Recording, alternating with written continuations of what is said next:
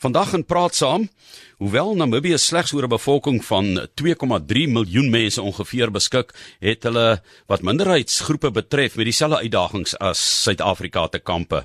In 2015 was daar 45 erkende tradisionele leiers in Namibië in die staatskoerant afgekondig, baie van hulle minderheidsgroepe en dit het opgeskuif na bykans 55.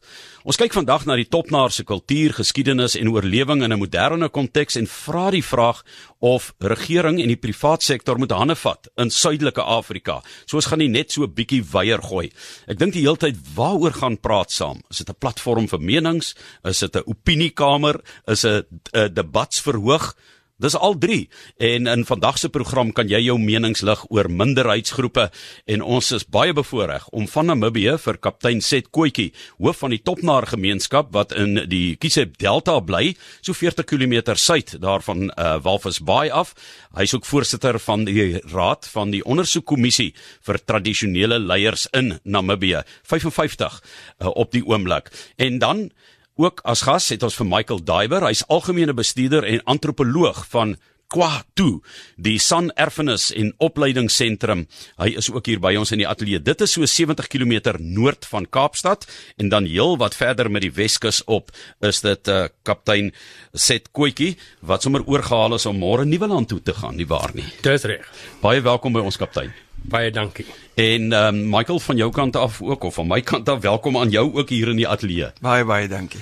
Ek wil eers moet begin deur net te kyk na Namibië en die onafhanklikheid wording was 21 Maart 1990. Nou dit is toe van uh, Suid-Afrikaanse beheer ingevolge 'n uh, ou mandaat van die Volkerbond. En ehm um, die bevolkingsgetal het ons sê is naby aan 2,3 miljoen, so dis 'n bietjie anders as in Suid-Afrika. Maar kom ons kyk net gou na die groeperinge daar. Swart ongeveer 88% inwoners, blank 6%, gemeng 6,5%.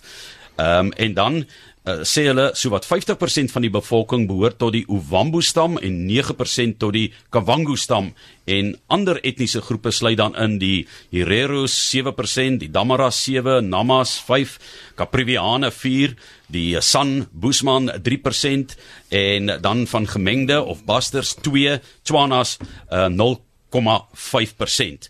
Nou ek sien nie die topnaar se naam hier nie, so hulle moet nog heelwat kleiner wees. Kaptein, vertel vir ons hoe groot is die groep van die topnaars en hoekom is hulle deesdae so klein want 'n paar jaar gelede het 'n baie groot ramp julle getref wat julle onder ernstige bedreiging as topnaars uh, geplaas het, maar dis ook waar die naam topnaars vandaan kom.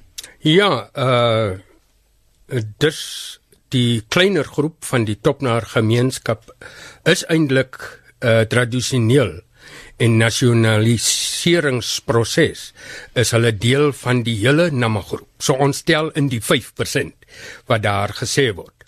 Uh ons die topnaars woon heel wes uh in 'n uh, uh Namibië langs die kus uh van Namibië self.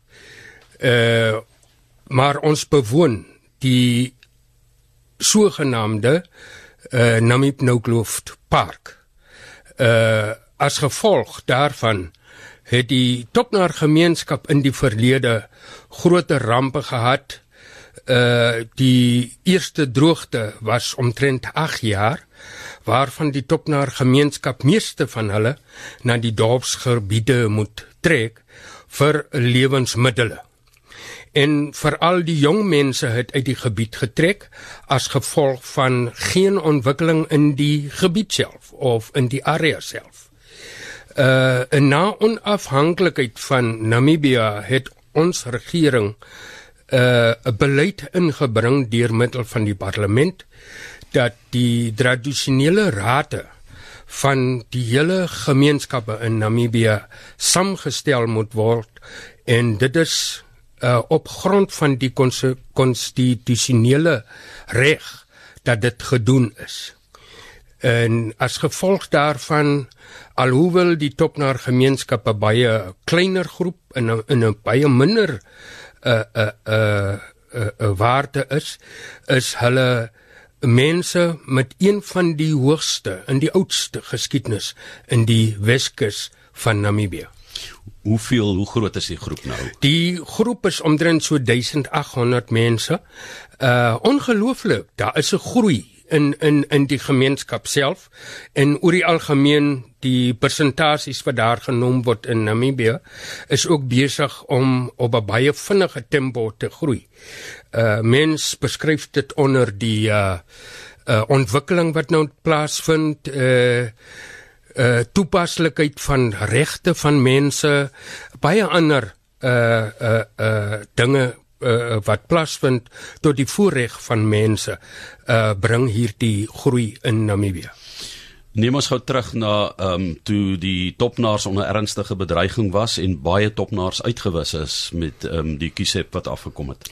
Ja, uh dit was omtrent min of meer so uh, so wat 8 jaar terug. Uh dit het gebeur in in 'n baie goeie reenseisoen uh in Namibië. Het die Kuisebrivier uh oorstroom die wale tot in Walvisbaai wat eintlik baie skaars was. En dit het gebeur dat baie van ons mense uh in die vloed deur middel van siektes eintlik nie deur die vloed self nie omgekom het omdat uh met enige water wat uh uh, uh in die woestyn lê versamel uh, muskiete, ander insekte en as gevolg van uh muskiete byt in malaria en al die ander goed het baie van ons mense uh uh tot sterwe gekom.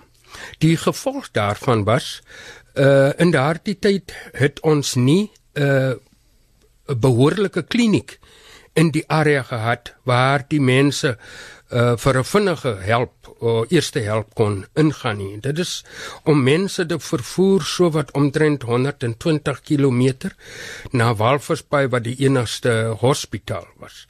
Nou uh, 'n mens kan hierdie dinge omskryf in 'n uh, uh, uh ontwikkeling wat baie skaars in die gebied uh ingekom het. En dis as gevolg van die eerste wette uh, van die land wat nie van toepassing was binne in die park self nie. Nou nou kloof dit is 'n baie sensitiewe omgewing hoewel dit nie so lyk vir die gewone mense wat daar deurry nie. En in 2015 kaptein het jy spesifiek ook gesê stop die toerisme vir eers in hierdie gebied want mense het dit verwoes. En ek was self by geleentheid daar en ek was eintlik geskok geweest. Dit was um, kort na daardie ramp het baie van die grafte oopgespoel en die mense het met vuurtrek voertuie net eenvoudig boere op gebeentes gery asof daar geen respek is vir die die die gebeend die gebeendere wat daar gelê het nie en dit dit het my ongelooflik ontstel. Ek het nog foto's daarvan geneem en ehm um, daaroor ook in in ons reisprogram uh, gesels. Maar ehm um, in 2015 is dit gestop en gesê kyk, nou beheer ons dit en ook tot voordeel van die gemeenskap, 'n skamelige gemeenskap van 1800 mense. Uh, vertel vir ons van daardie flitspunt in toerisme ook in julle omgewing. Ja, ehm um, die begin van die toerisme uh, uh, bedryf in ons area uh was 'n moeilike tyd. Uh ek moet sê daar was baie groot skade in die woestyn alreeds gedoen uh totdat ons as uh, gemeenskappe, verskillende gemeenskappe in Namibië opgestaan het en met ons regering daaroor gepraat het.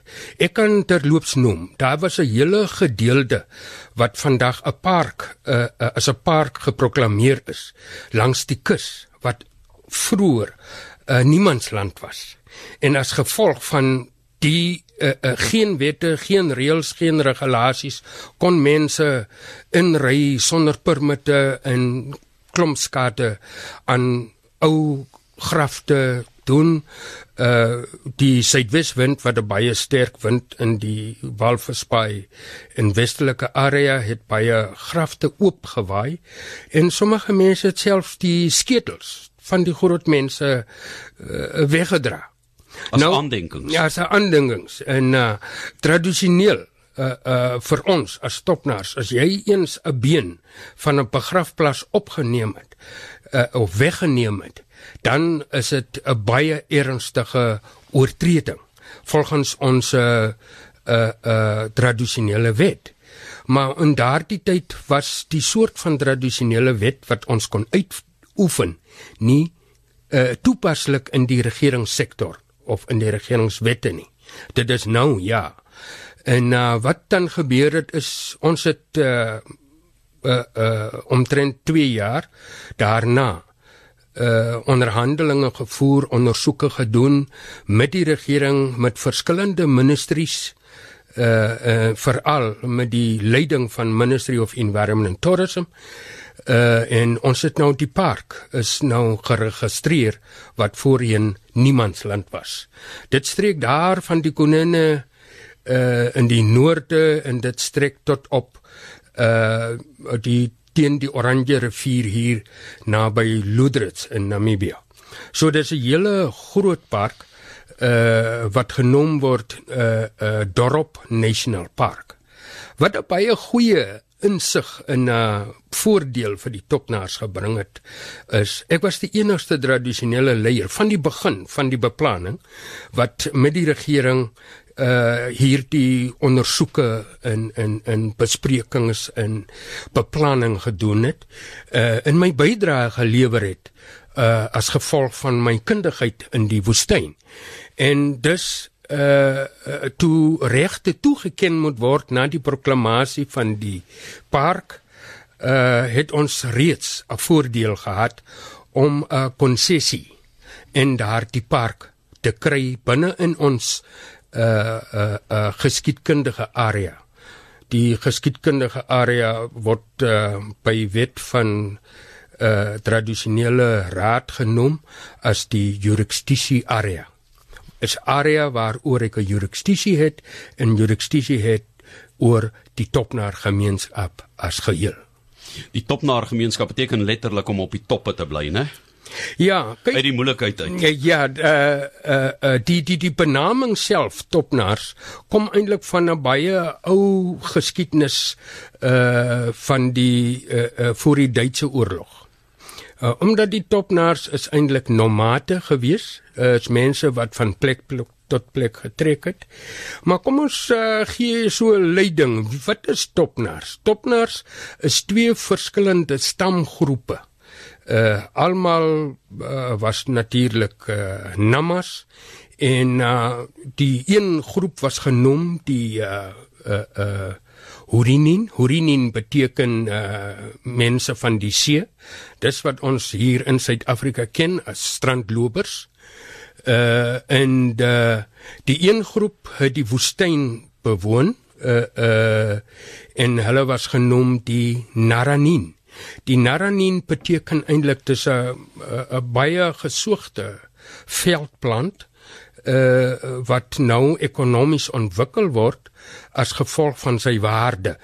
En uh, die twee groepe het bymekaar gekom en toe die eerste seevaarders, dis ek praat nou van 16de eeu min of meer, uh walvisby aangedoen het, het walvisby nie ontstaan ons voorouers was alreeds daar. En die mense, die seevaders wat daar gekom het, was uit die aard van die saak Hollanders en uh, Nederlanders uh, wat ons in vandag in Suid-Afrika as Afrikaners ken. En die ontwikkeling van uh, uh, die see en die daarstelling van die navorsing wat gedoen is is dan met die ooreenkomste van die ehm uh, destydse tradisionele leiers van die gemeenskap gedoen uh en so groot en diep is die spore van die topnaar gemeenskap in die woestyn self. Want Walvisbaai self lê in 'n woestyn Ja, dis 'n lang aanloop eintlik van 1800 mense wat oorleef en wat vir hulle regering in Namibië vra kyk na ons, help vir ons. Ons sal ons kant bring, maar iewers met daardie ehm um, gee en neem is daar geld by betrokke. Daar's maniere waarop dit gedoen moet word en daarom gooi ons die net vandag 'n bietjie weier en sê, maar dit is nie net die regering wat kan geld gee nie vir groepe nie. Dit gaan nie so werk nie hulle moet kyk na daardie erfenis in hulle omgewing. Maar die privaat sektor moet ook hande vat en Michael Daiber wat hier by ons is wat juis uit so 'n privaat inisiatief Suidelike Afrika ehm um, betrek het 70 km noord van Kaapstad Michael. Ja, dis reg. Ons het 'n uh, 'n soortgelyke ding gehad. Ek dink die die San mense het het baie soos chief 'n uh, soortgelyke versoek gehad om te om hulle erfenis op 'n manier te kan kry om 'n platform te kan kry om hulle storie te kan vertel. Ehm um, en hulle het 'n behoefte gehad om om opleiding te kan doen in toerisme omdat hulle besef het dit was 'n dit was amper die enigste bron van inkomste gewees en en 'n bron van oorlewing. En ehm um, en uiteindelik het hulle het hulle besef hulle hulle gaan dit nie alleen doen nie en hulle sal hulp moet vra en ehm um, die ongelooflike voordeel wat hulle gehad het is dat ons dat ons ehm um, die geleentheid gehad het om 'n privaat sektor te ehm um, te benader en en om hierdie verhouding te laat werk en intussen tyd is dit al 18 jaar gelede en dit werk baie baie suksesvol. Wat is die mees bedreigde groep in die San groepering wat by julle is? Hoeveel inwoners is daaroor? Kyk daar is daar is algemeen bekend dat dit om, on, ongeveer 120 000 San mense is wat in Suidelike Afrika woon. Dis nou Namibië, Botswana en in Suid-Afrika. Ehm um, in Suid-Afrika is dit is dit 'n relatiewe klein getal is ongeveer 10000 ehm um, San bewoners hierso. Ehm um, en onder die die ehm um, Mu sprekers is daar is daar minder as 10 mense wat daai taal nog praat. So dit is regtig 'n baie baie bedreigde taal en 'n baie beperkte groep mense. En daar's ook die boeke waarskynlik soos ehm um, die HAT wat bestaan sodat wanneer daardie 5 mense uitsterf dat die tradisie kan voortleef en dan sit vir ewig verlore as dit nie verfilm of gedokumenteer is nie. Presies. En dit is wat ons probeer doen by Quato is om hierdie hierdie stories te bewaar. Ons is nou tans besig om om te werk aan 'n aan 'n museum. Ehm um, en dit is gaan ons in 2018 open, September 2018 en dit gaan regtig waar 'n ikoniese museum wees waar waar mense alles van die sandkultuur kan kan kom leer. Dit sal seker die enigste museum um, in Suidelike Afrika wees wat alles net oor die san sankultuur gaan. Ehm um, en dit sal ook spesifiek die sanne geleentheid hê om hulle eie stories te vertel. So dit is miskien 'n bietjie 'n afwyking van die normale tradisionele museums waar waar ehm um, antropoloë en en navorsers hulle stories op hulle manier vertel. Hier gaan ons regtig waar poog om soveel as moontlik van die gemeenskap se se se se se input te, te betrek en om hierdie stories op hierdie manier te vertel en en om stories van die verlede en die stories van die teenwoordige as gelyke te stel en en om dit op 'n op 'n interessante manier aan te bied. Ons praat vandag oor ehm um, iets wat wêreldwyd eintlik nog op die debatstafels is en dit is minderheidsgroepe en ons is baie bevoorreg dan om vir kaptein Set Kootjie hoof van die Topnaarsgemeenskap wat uit die Kusep Delta vandag by ons kuier ook voorsitter dan van die ondersoekkommissie van die Raad vir Tradisionele Leiers in Namibië um, wat 55 tradisionele leiers is en Michael Daiber algemene bestuurder en antropoloog van Kwatu die San Erfenis en Opleidingsentrum wat beteken die woord Kwatu Kwatu beteken watergat en dit is in die ou Kamtaal en dit is die Kamtaal was was die taal wat gepraat is hierso in die in die in die Weskaap. Hierso veral in die Weskus is is is hierdie taal gepraat. En watergat verwys maar die die plaas waar ons waar ons op die oomblik gestasioneer is is oorspronklik naam was Grootwater. En Kwatu verwys soort van 'n watergat wat 'n metaforiese plek is waar mense kan kom en van die van die kennis van van die water kan drink en weer kan teruggaan. Ja, en as 'n mens dink aan water, die droogte nou in die Wes-Kaap het baie mense in hierdie omgewing onmiddellik laat besef weer hoe belangrik is water, maar die res van die land ook, die boerderygemeenskappe. Daar waar daar mildelik reën geval het, vir die oomblik is jy so verbly, maar daar was ook al droogte oral in Suid-Afrika een of ander tyd en daar in die woestyn 'n interessante manier hoe hulle daar die water uit katrol uit die putte uit en um, maar moet staat maak op diep water daar kaptein. Ja, dit dit is een van die natuurlike kennis van die Topnaar gemeenskap. Hoe om water uit die ondergrond uh, uh, uh, te kry. Uh hulle het ou tradisionele maniere gebruik om 'n put te grawe, uit te voer uh tot die diepte van min of meer uh 6 tot 8 meter in daardie tyd. Vandag praat ons al reeds van 25 20 uh 20 tot 25 meter diep. So die putte uh uh tradisionele putte het uitgesterf en uh dit was nie in die geskiedenis opgeteken nie. Die uh, uh, baie van die ou tradisionele gebruike het uitgesterf en baie van ons jong mense, die generasie van vandag, het deel van hulle groote waardevolle geskiedenis verloor. Ons as tradisionele leiers, uh, ons instelling om uh, die funksies van verantwoordelikheid uh, uit te oefen is juist daarop gemik uh deur middel van 'n wetgewing uh uh uh uh, uh, wet van 25 van uh uh 2000 uh dis die wetgewing waarop die tradisionele leiers werksaam is. Daarin is uiteengesit wat die funksies in doelwette uh in tradisionele regswette van die uh, uh Namibiese uh, uh minderwaardigheidsvolgere is. Uh, en dit is juis in daardie uh 'n wêreld wat ons ingegaan het wat onbekend was, wat 'n baie moeilike uh, uh, verstandhouding tussen die regering self en die tradisionele leiers gebring het. Maar ons uitgangspunt was dat ons tradisionele leiers van Namibië volgens ons konstitusionele reg erkenning van die regering moet kry.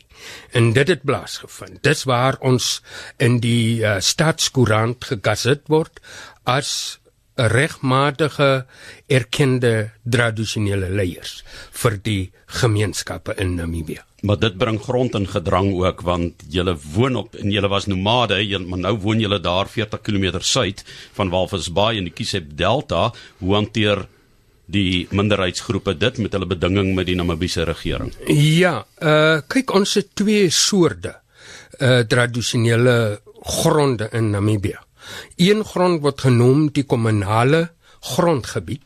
Dit is waar klomp mense bymekaar op een grond die reg het as 'n groep En dan het ons die ander uh, uh, uh, groepe soos meeste van die San groepe en ons die topnars ingesluit wat uh, binne in geproklaameerde parke woon.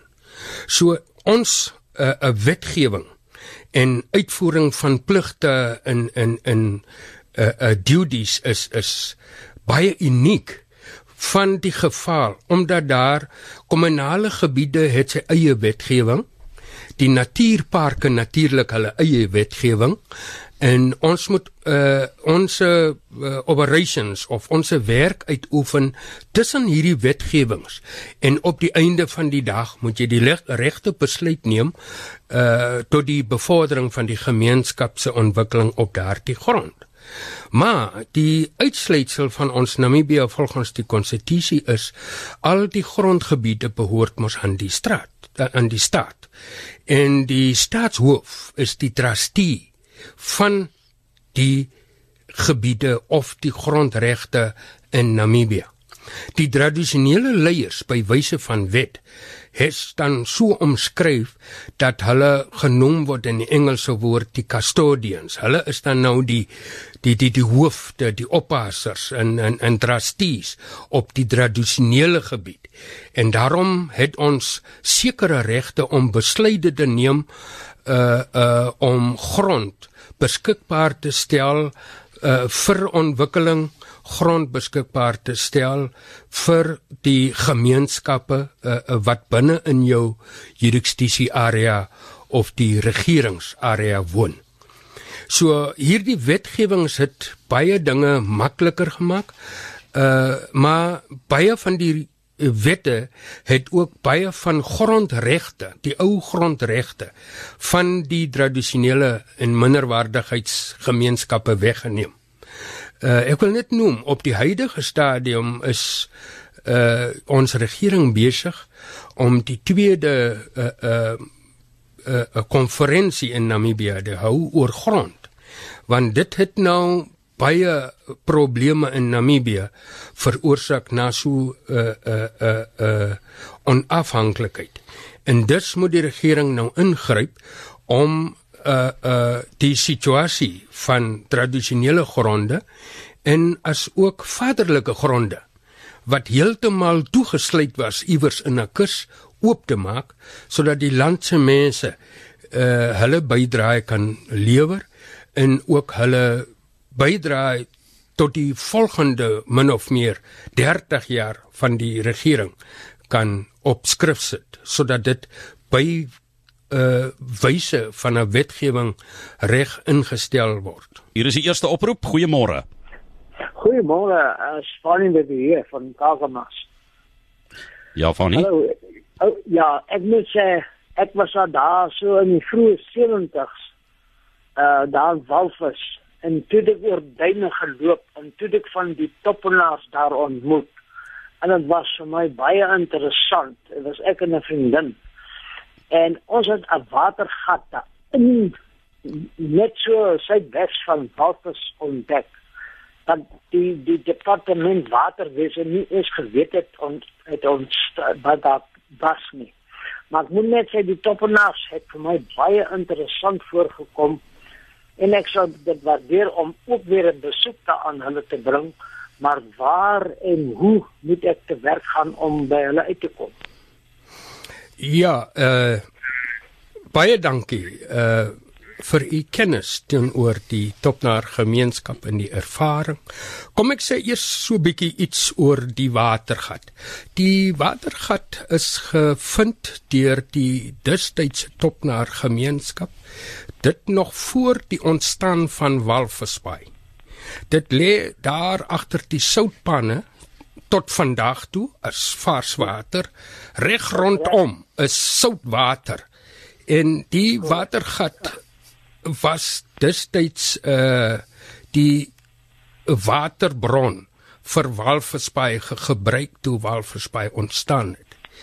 Nou ja, in die loop van die tyd van die Suid-Afrikaanse regering het ontwikkeling gekom en die regte van die topnaar gemeenskap om hierdie watergat te gebruik was dan uh uh vervang deur ander ontwikkelingsmotiewe wat daar ingebring was. Maar ek wil vir u vandag sê, uh na die onafhanklikheid van ons land Namibië het ons regering daardie watergat en die hele ontwikkeling wat daar is aan die topnaar tradisionele owerheid gegee. So ek sit met uh, eh, kaart en transport, ek sit met die reg van ontwikkeling. Ek sit hier om vir u vandag te sê uh op die ekonomiese vlak as u bereid is, kan ons daar 'n natuurlike hotel gaan opsit om die lewenstyl van die topnaars te verbeter is dit 'n droom? Dis my ja. droom. Dit kan bewaarheid word as ja. uh, uh, uh, ons uh, mense met die fondse of met die geld kan kry of mense sal kry wat belangstel om in die woestyn toerisme teweeg te bring. Ek wil maar net sê, ehm um, as u belangstel om daarna toe te gaan, dan uh, stuur maar vir my na die tyd net na Rademan by rsg.co.za, net vir my die inligting en dan sal ek die mense wat die permitte het om jou te kan inneem daar want jy moet deesdae 'n permit hê om in daardie omgewing of geakkrediteerde groepe mee ingaan. Jy kan nie net mee op jou eie daar inry uh, sommer nie. Soos ons sê, dit is heilige plekke wat vertrap is en um, so na die program stuur net vir my is net Rademan by rsg.co www.rsg.co.za dan help ek graag daarmee. Ja, Johan, ons het uh, ons het 'n uh, eh, uh, eh, konsessie in die area omdat dit 'n park is uh, uh, om besigheid te doen. Die besigheid is toerisme. Ons het verskillende joint ventures. Ons het een joint venture, Uri Adventures in Walvis Bay. Ons kom maar maklik uh uh, uh 20 jaar in uh, uh met daardie toer uh, uh, organisasie. Hulle is nou verbind in 'n joint venture met Lift the Journey in Suid-Afrika hier sommer reg in die Kaap. So die toegang na ons gebied het ons baie makliker gemaak en ook wette gemaak dat mense nie hier en daar rondgekeer kan word omdat hulle die park binne gaan om die topnaars te ontmoet nie. Hulle sê, ehm um, môre Johan, jou gesprek gee my moed. Dis tyd dat politiek en alles wat so lelik en pynlik vervang word. Hulle sê kom ons doen iets mooi saam. Suid-Afrika het mooi mense. Ek is 68 jaar oud en luister net na 'n positiewe gesprekke. So dit is ehm um, hier vlek wat so sê en uit die kaptein praat lekker ons wens hom en sy mense die beste toe. Ons hoop minderheidsgroepe se grondgebied brei uit. Is Judith wat so sê. Heerlik om na hoofman Koetjie van die topnaars te luister. Het in die 80er 90er jare hulle skool by is dit Utosep besoek vir adviesdiens aan onderwysers. Saam met die bekende meneer Chris Groen Grindling het hy die voorreg gehad om narras te proe en 'n paras geskenk te kry alle voorspoed vir hulle sê Kobus Husselman. En ehm um, hulle sê hierso ehm um, Ilse Salzwedel skryf in haar boek onvertelde stories in Afrikaans van die topnaars. Dis Linda van Stilfontein wat dit opmerk. En dan is daar spesiale welkomsgroete uh, kaptein Set Kootjie wat kom van ehm um, kaptein Paul Swartboy wat sê welkom in RSA kaptein Set hoop jy geniet die tyd en sien jou binnekort in Namibië Dankie, dankie. En uh, dit is natuurlik gaan kaptein Paul Swartboy baie jaloers wees want môre gaan ehm um, kaptein Setkoetjie vir die eerste maal Nieuweland ook besoek en die Springbokke in die Obleks kyk. Ja, die eerste ja, maal. Dit dit's die eerste maal in een van my hoogste punte in my lewe na omtrent uh, 65 jaar. Nou wil ek net sê ek is so bly doen vandag die program want maandag gaan kaptein Jees wees. Ja. ja. Ja. Ja. Michael, jy het nou geluister na eintlik die versigtiging, die manier van grond, die regering wat um, omarm word en die regering wat die minderheidsgroepe daar omarm. Suid-Afrika dink ek is 'n bietjie meer kompleks in terme van ons volume mense wat ons hier het en ook as 'n mens gaan kyk na ehm um, die uitdagings, uh, dit is 'n meer kosmopolitaanse omgewing waarin jy werk Julle is maar 70 kilometer van een van die gewildste stede in die wêreld om te kom besoek Kaapstad as 'n kosmopolitaanse stad. So 'n besondere uitdaging om daardie daardie ehm um, fyn kulture uh, te bewaar, né? Ja, dit is baie beslis so en ek dink dit is ek dink ehm um, daar word dikwels gepraat van joint ventures en mense sien dikwels die die verhouding tussen 'n privaat sektor en 'n gemeenskap en ek dink Wat 'n mens moet besef is dat die tradisionele gemeenskappe regtig waar besondere eh, kennis het en besondere eienskappe het wat vir hulle in 'n ongelooflike positiewe be be bedingings mag sit. Dit is mense wat hierdie einde oeroue kennis het wat hulle as 'n kommuniteit kan gebruik en wat baie waardevol is in die toerismebedryf. Dit word baie maklik oorgesien. Mense dink aan aan 'n glamorous toerisme en mense dink aan groot hotelle en mense maar jy vergeet eintlik hierdie belangrike dingetjies waaroor die lewe gaan. Hierdie kennis van spoorsny en hierdie kennis van die plante en die en die en die natuur en die vermoë wat mense het om stories te kan vertel en dit is wat 'n mens moet probeer ontgin. En dit is wat ons by by by, by Kwato ook probeer ontgin en gebruik en beskikbaar stel wat mense dit kan deel en en en op 'n manier 'n positiewe toegang het en waar mense hierdie boodskap kan oordra met waardigheid en met selftrots en met tradisionele ehm um, kennis. En ek dink dit is die dit is die heerlike ding waar mense as jy kyk na hierdie joint ventures tussen die private sektor en die in die toerismebedryf. Ja, ek wil graag aansluit via 'n uh, SMS, jy weet, dit is nou so 'n bietjie so tik oor die vingers ook, maar terselfdertyd sê bekwame want ehm um, hier kom 'n SMS in Johan, jy het 'n baie bekwame gas by jou vandag. Ons as sogenaamde Afrikaner moet by hom gaan kers opsteek om behoorlik Afrikaans te praat en die RSG omroepers moet by hom klasse neem en Afrikaans korrek praat. Dis Jan van George wat so sê. Nou wil ek net sê Jan, ek gaan sit heel voor in daai klas want ek wil nie net die Afrikaans nie, maar ek wil ook die wonderlike stories van die woestyn hoor en hoe 1800 mense dit reg kry om in hierdie moderne wêreld waar ons leef nog steeds hulle tradisies met trots aan die wêreld uit te stal. En ek dink baie uh, Suid-Afrikaners wat ook familie het in Namibië gaan dikwels daarna toe en ken vir kaptein Set Koetjie. Maar die lyn is aan die grond, so kom ons luister wie's volgende hier op die lyn. Goeiemôre. Goeiemôre. Ja, wie praat nou? My naam is Santlana uh, Smit, ek is hier van die Vrystaat in Bloemfontein. En julle gesels so lekker oor minderheidsgroepe vanoggend en ek, ek gaan net stop. Ek ry uh, op die oomblik. Uh, die Vrystaat is een van die min provinsies as dit nie die enigste provinsie is wat baie omgee vir die vir die blanke en veral spesifiek die minderheidsgroepe, die die die blanke, die minder gegoede blanke, die die arm blanke. Ja. En en ons het spesifiek projekte hierso in die Vrystaat waar ons omsien en kyk en hulle uh, te help staan. Wie is ons? Uh, dit is nou uh, die die die, die ek ek werk onder die die, die toesig van die premier Ysmagashule. Uh, hy het 'n kantoor gestig wat kon minder uh, office for min uh, for, for minorities.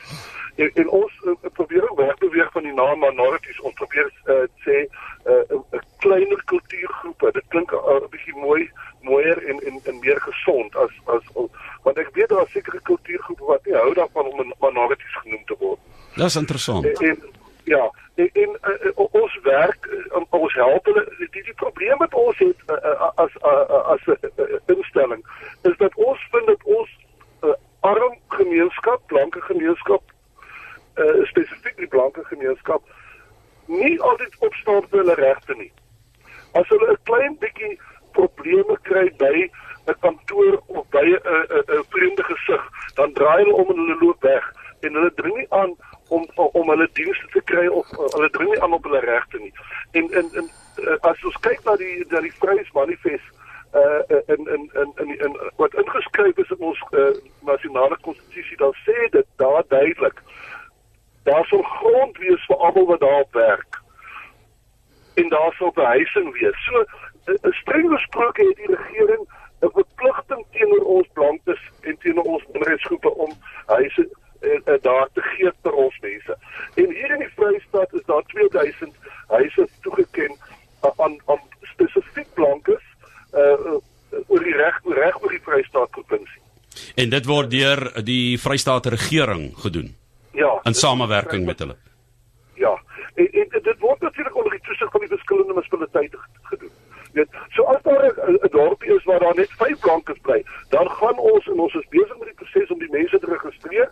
Ons is baie naby nou om om om grond te gee vir uh uh mense in Harrismith en in in Bethlehem, in Sasolburg en, en oral is is in Parys oral is daar nou al in in, in selfs in in Bloemfontein is daar al grond geoogmerk waar daar van deel van dit sal gaan uh, uh na die blankes toe. En, en ja. een van die groot vrese vir die mense, hoekom hulle nie kom aansoek doen het uh, vir sulke uh uh uh, uh hofhuise nie, is die feit dat hulle dink dat die regering gaan dit vir dit, dit vir hulle bou binne in die in die townships. Maar maar ons wil nie dieselfde foute maak as wat ons vorige regering gedoen het en mense skuif uit hulle habitat na na vreemde habitat. So ons identifiseer grond binne of baie op naby of op om die uh, die die die, die dorpies uh, daar's baie erwe of bestaande erwe is of wat die mense nou al nie meer grondbelasting betaal het nie en en daar dit is waar ons hulle gaan akkommodeer. Ek sê vir Ek sê vir baie dankie vir jou insit. Dit is 'n interessante verwikkeling daar by die Vrystaat regering van ehm um, Ys Magashule. Goeiemôre. Môre. Dit is Rita Dege wat praat. Ons het in Walvisbaai in Swakopmund gewoon en ek het daar by 'n Hendrik Vry wat 'n uh, pirografie gedoen het. Dit is met 'n soldeerbout en hierdie hierdie skildery van my is op kuduvel gedoen. En dit was in 1978 en dit was van die heel oudste topnaar vrou wat toe geleef het. Sy was die heel oudste van al die topnaars en dit is my kosbaarste besitting wat ek het.